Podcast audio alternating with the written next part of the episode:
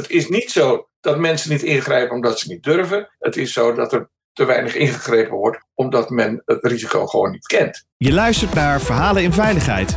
Deze podcast brengt verhalen over veiligheid samen van de mensen die het doen. Met wisselende onderwerpen. Verhalen vanuit de wetenschap, verhalen vanuit de praktijk, maar vooral verhalen die raken uit ons mooie vak. Uw presentatrice Orlie Borlak.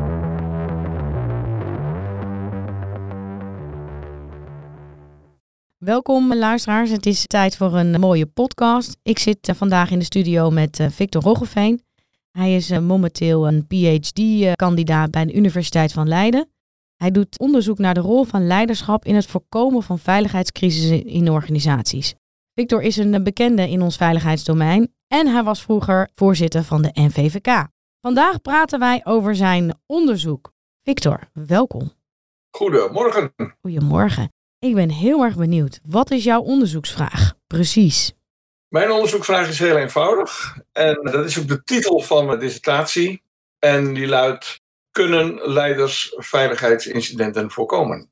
Nou ja, iedereen wil meteen weten. Wat heb je tot nu toe ontdekt? Ja, nou, ik heb ontdekt dat het kan. Maar dat er verschillende typen leiders zijn. En dat één type leider heel erg bijdraagt aan het voorkomen van incidenten. En dat er drie soorten leiders zijn. Nou, die moet je maar snel weer wegwerken als je in de risicovolle organisatie zit. Super interessant. Vind jij het goed om die vier eens even kort te bespreken? Want ik denk de luisteraar weet niet welke type leiderschap jij voor ogen hebt. Ja, dat ga ik zo meteen doen. Maar je kunt, en dat, ik heb heel veel geleerd. Ik, ik ben er 8,5 jaar mee bezig geweest. En nou, dat heeft me wel tot inzichten gebracht.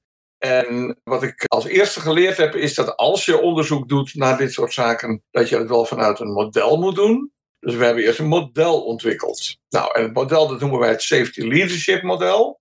Het hele verhaal is in het Engels geschreven, maar ik verwacht met een half jaar of zo dat daar wel een Nederlandse vertaling voor komt. Het Safety Leadership Model houdt in hoe leiderschap via risicoreductie invloed heeft op veiligheid. Dat was mijn eerste insteek. En dan heb je dus te maken met leiderschap. Nou, dat kan je specificeren in wat ik dan noem leiderschaporiëntaties. Dat gaat over risicoreductie. Dat kun je specificeren in het kennen van het risico, het kunnen ingrijpen, het willen ingrijpen, het durven ingrijpen. En dan het doen in de kader van correctieve actie. Dan ontstaat risicoreductie. En als het gaat om veiligheid, ja, dan uh, moet je dus elementen vinden of aspecten vinden waarin je veiligheid meet. En dat heb ik gedaan in het kader van verleden, heden en toekomst. Verleden is van de incidenten die hebben plaatsgevonden. Het heden is de veiligheidsbeleving. En de toekomst is zeg maar, het potentieel voor risico's, veiligheidsrisico's. En daar heb ik dus geen absolute getallen voor gebruikt. Want met name als het gaat om incidenten kun je natuurlijk niet absolute getallen gebruiken als je in verschillende organisaties dit onderzoek doet. Ik heb, ik heb dus een vragenlijstonderzoek gedaan. En ik heb de respondenten, dat waren er uiteindelijk 4500, in zes sectoren en 33 organisaties. En ik heb de mensen gevraagd, als het gaat om incidenten, er is het laatste jaar meer dan ik verwacht aan incidenten gebeurd. Het gaat erom wat mensen vinden van het aantal incidenten wat er heeft plaatsgevonden. Dat was het verleden, dan gaat het over het heden en dan gaat het over voelen mensen zich veilig? Vinden mensen de organisatie een veilige organisatie of niet? En als het gaat om de toekomst, dan gaat het gewoon om verwachtingen als het gaat om veiligheidsrisico's. En die drie, die heb ik dus afgezet tegen het type leiderschap. En qua leiderschap heb ik vier typen, vier oriëntaties gedefinieerd, waarbij in het ene geval de productie het belangrijkste is, en in een ander geval de relatie het belangrijkste wordt gezien.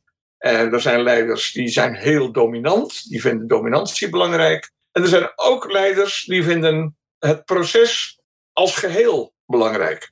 En dat zijn dus leiders die zowel productie belangrijk vinden, maar als het gaat om veiligheid, of als veiligheid in het geding is, dan prevaleert veiligheid.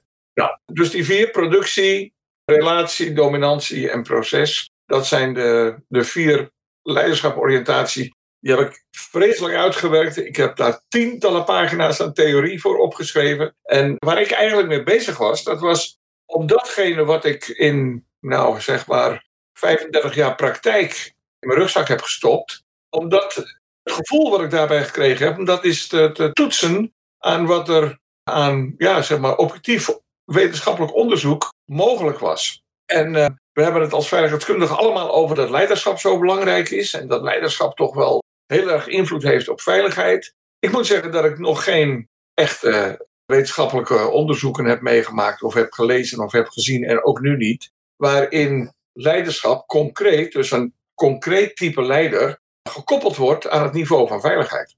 En nou, dat heb ik dus proberen te doen. En ik kan je vertellen, dat is gelukt. Dus ik ga hierop, nou, ik denk met een maand of een maand of twee. Gisteren, heel leuk dat dat nu gebeurt hier. Gisteren heb ik groen licht gekregen van mijn promotor, Erwin Muller. Ooit de tweede man van de onderzoekraad, professor Erwin Muller. Dus ik ga nu naar een drukker. En dan ga ik het verhaal in elkaar zetten. 300 pagina's. En ja, eigenlijk heb ik het verhaal net al verteld. Ja, mooi. En kun je dat illustreren met een voorbeeld?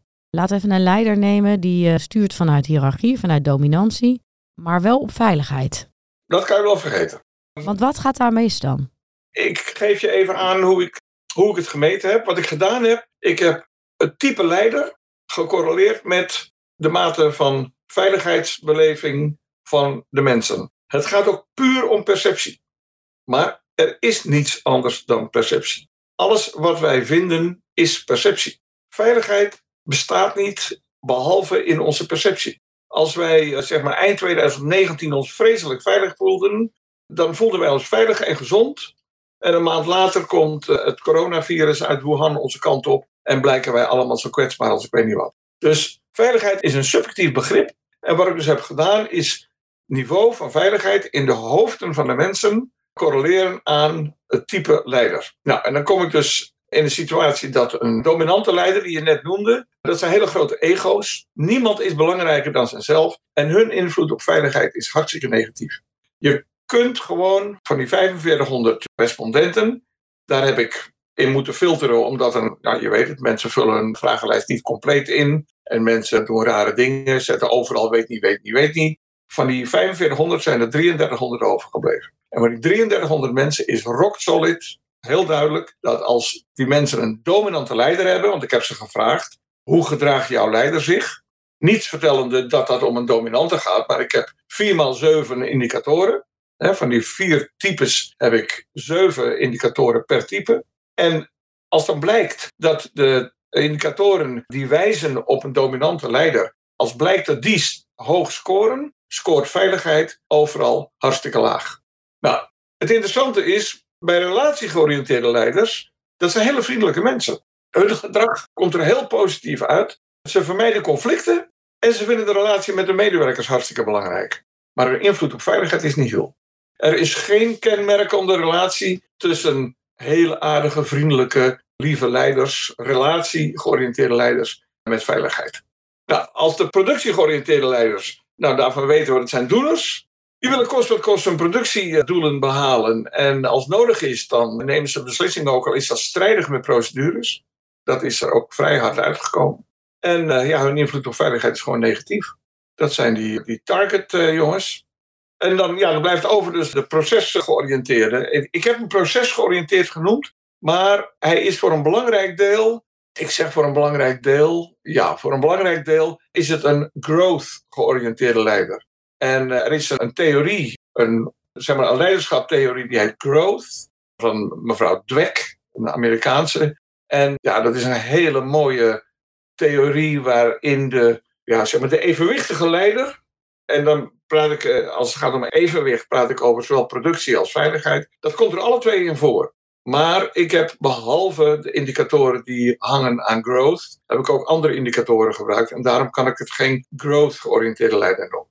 Dus ik heb het een proces georiënteerde leider genoemd. Nou, dat noem ik de veilige leiders. Die trachten productiedoelen te halen, maar als veiligheid in het gedrang is, prevaleert veiligheid. En gedragen zij zich ook anders naar mensen? Want bijvoorbeeld uh, Carol Dweck is volgens mij oorspronkelijk ook begonnen als een motivational theory van leren. Dus uh, hoe kun je mensen ja, hun potentieel optimaal laten benutten? Ja. Ik kan me ook voorstellen dat als hij nu een leiderschapstheorie heeft, die ik trouwens niet ken, dat daar leren en reflecteren en samen ontwikkelen een belangrijke rol spelen.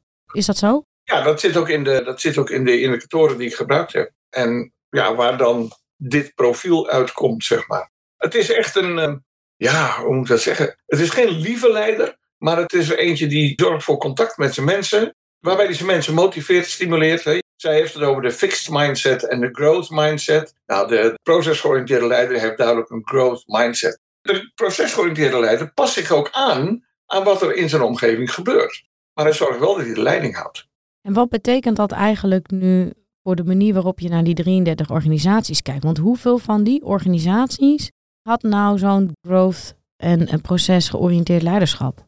Nou, over het algemeen blijkt dat de meeste leiders, en dan echt als je praat over alle organisaties die ik heb gehad, de meeste leiders komen er redelijk growth uit. Maar direct daarna komen de relatiegeoriënteerde leiders. En daarna komen, ja, heel erg naar onderen, eh, zeg maar bijna negatief, komen de dominante leiders. Er zijn heel weinig, relatief zijn er heel weinig echt dominante leiders. Maar het is echt de growth, dus de procesgeoriënteerde leider, dat is de, de, leider die het meeste voorkomt. Dan heb je de relatiegeoriënteerde, die komt daar kort achter. Dan krijg je een gat. En dan heb je de productiegeoriënteerde leider. En daar, helemaal onderaan, heb je de dominante leider. Ik ben eigenlijk ook wel geïnteresseerd in wat voor soort gedragingen zie je bij die procesgeoriënteerde leider. Wat, wat doen zij anders? Dat kan ik je vertellen. De proces. Dat ik al. Ja, ja, ja, ja, ik heb me een beetje voorbereid. Het is iemand die, die weet wat zijn rol is. Hij gaat voor optimale productie geeft veiligheid prioriteit. Hij stimuleert interventies. Met andere woorden, jongens, als je het gevoel hebt dat het misgaat, of dat het mis zou kunnen gaan, interveneer, ook al is het in het productieproces. Hij zorgt voor verbeteringen. Met andere woorden, hij zorgt dat er zeg maar hiaten, problemen, veiligheidsproblemen, maar ook operationele problemen ook echt worden opgelost. Daar heb ik straks nog wel een verhaaltje over als het gaat over de risicoreductie. Van, want daar zit mijn grootste verrassing eigenlijk. En hij toont begrip voor vergissingen. En daar scoort de procesgeoriënteerde leider heel hoog. Want een van de vragen in de vragenlijst was, of een van de stellingen was, dat die leider zeg maar, niet boos wordt op het moment dat blijkt dat je onterecht het productieproces hebt gestopt als je dacht dat het voor veiligheid nodig was.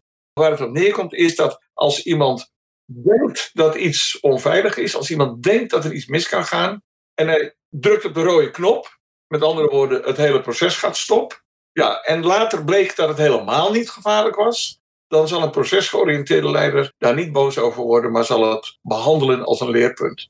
Mooi, het lijkt ook een beetje op wat Amy Edmondson zegt. Psychologische veiligheid. Ja, klopt, klopt. Ja. Maar je zei net, er had iets je enorm verbaasd over risicoreductie. Daar had je een mooi verhaal over. Ja, want de risicoreductie, dat is mijn tweede model wat ik heb gemaakt. Dat noem ik de risicoreductiecyclus. En uh, wat ik net al zei, eh, er bestaat een risico. Ik heb overigens het hele onderzoek gedaan gebaseerd op wat wij noemen het primair proces, oftewel het productieproces. Dus ik heb het niet gehad over struikelen over een drempeltje of over een snoer wat door de vergaderkamer ligt. Ik heb het puur gehad over het primair proces als risicogenerator. Nou, hoe elimineer je risico's? Hoe, hoe probeer je risico's te beheersen? Het is handig als je het kent. En wat blijkt? Ik ga er even doorheen. Je moet het risico kennen, je moet kunnen ingrijpen, willen ingrijpen, durven ingrijpen. En daarna moet er wat gedaan worden. Wat blijkt nou? Mensen zijn overoptimistisch en echt superoptimistisch met betrekking tot het kennen van risico's. Men denkt dat men de risico's wel kent. En het interessante is, hoe hoger in de boom, hoe meer vertrouwen men heeft in dat men op de werkvloer het risico wel kent. Met andere woorden, managers slapen rustig, want ze hebben het gevoel dat de operator wel weet wat de risico's zijn. Nou, en als je daarna, dat is wat ik zeg maar prospectief heb bekeken. Ik heb ook, want ik heb er met, zoals het dan zo netjes heet, met verschillende lenzen naar gekeken. Ik heb ook aan, wat waren het, 18 professionele incidentonderzoekers gevraagd om een onderzoek wat ze hebben gedaan in hun gedachten te nemen en mij te vertellen welke van de risicoreductie-elementen, factoren, met name een rol hebben gespeeld in het ontstaan van het incident. Van de 18 waren er 17 die zeiden van kennen. Het kennen van het risico ontbrak. Nou, toen heb ik lensje nummer 3 genomen. Ik heb de onder, eh, rapporten van de onderzoekraad bekeken. Ik heb random 10 rapporten gepakt. Oh nee, 12 rapporten gepakt. Ik heb allemaal gekeken naar de conclusies en aanbevelingen. Echt waar, van de twaalf waren er twaalf waar het kennen van het risico, het ontbreken van kennis over het risico, een rol heeft gespeeld. En dan gaat het dus over zware ongevallen. En de vierde lens die ik heb gebruikt is mensen die, ik noem dat risicoanalyse-specialisten. Dat zijn mensen die hebben veel ervaring in het doen van HACCPs en dat soort zaken. Dus analyseren van zware ongevallen. Of analyseren van installaties waar zware ongevallen zouden kunnen plaatsvinden. Alle vier waren vier mensen die ik heb gesproken. Alle vier zeggen ze: het kennen van het risico is het grote probleem. Na 35 jaar wist ik niet dat dat echt het kernprobleem was.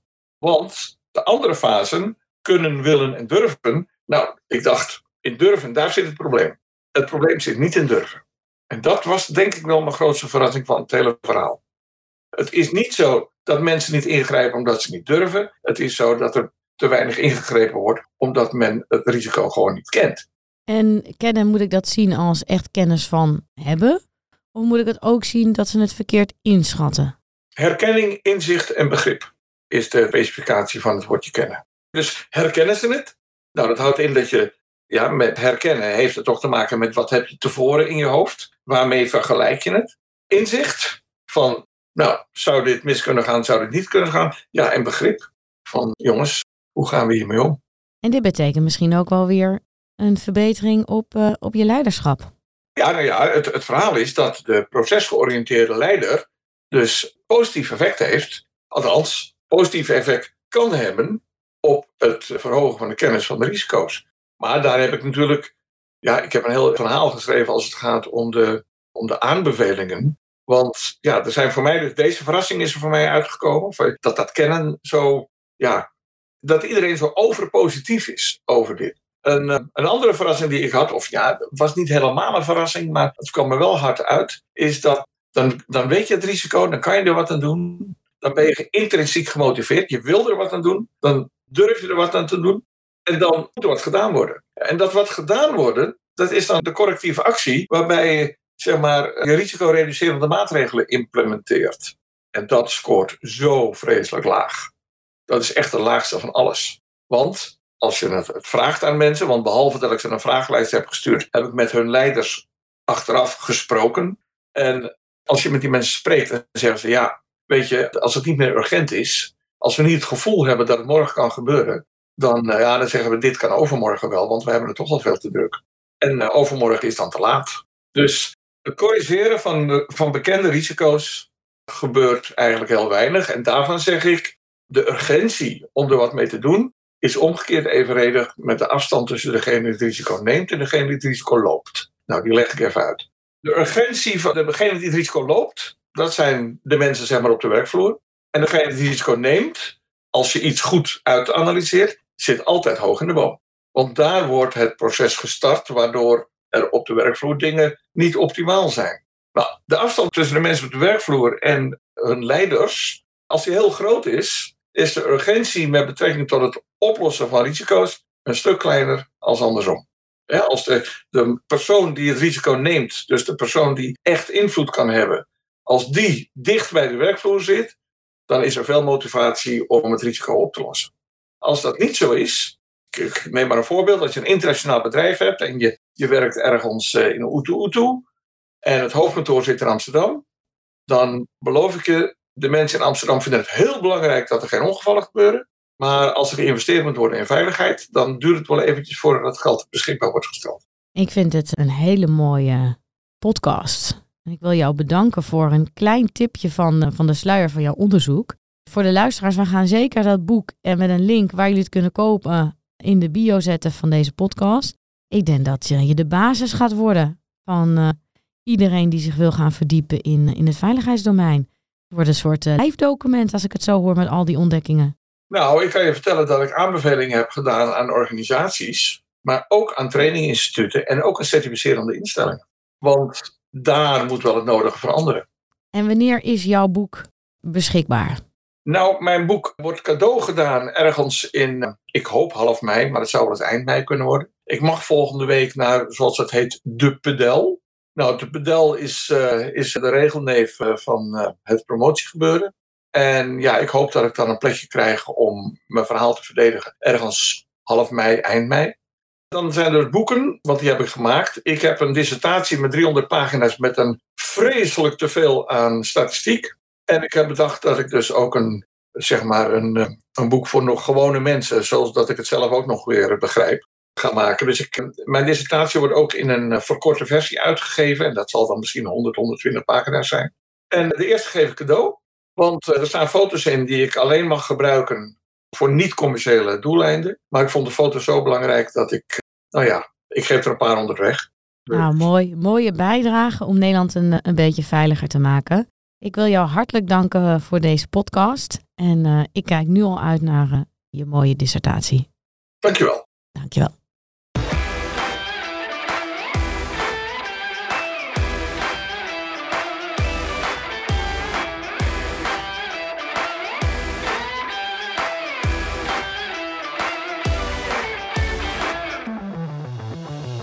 Je luisterde naar Verhalen in Veiligheid. Wil je niks missen van deze podcast? Abonneer je dan op deze podcast in je favoriete podcastplatform. Of laat een recensie achter via Apple Podcast. Dank voor het luisteren. Graag tot de volgende.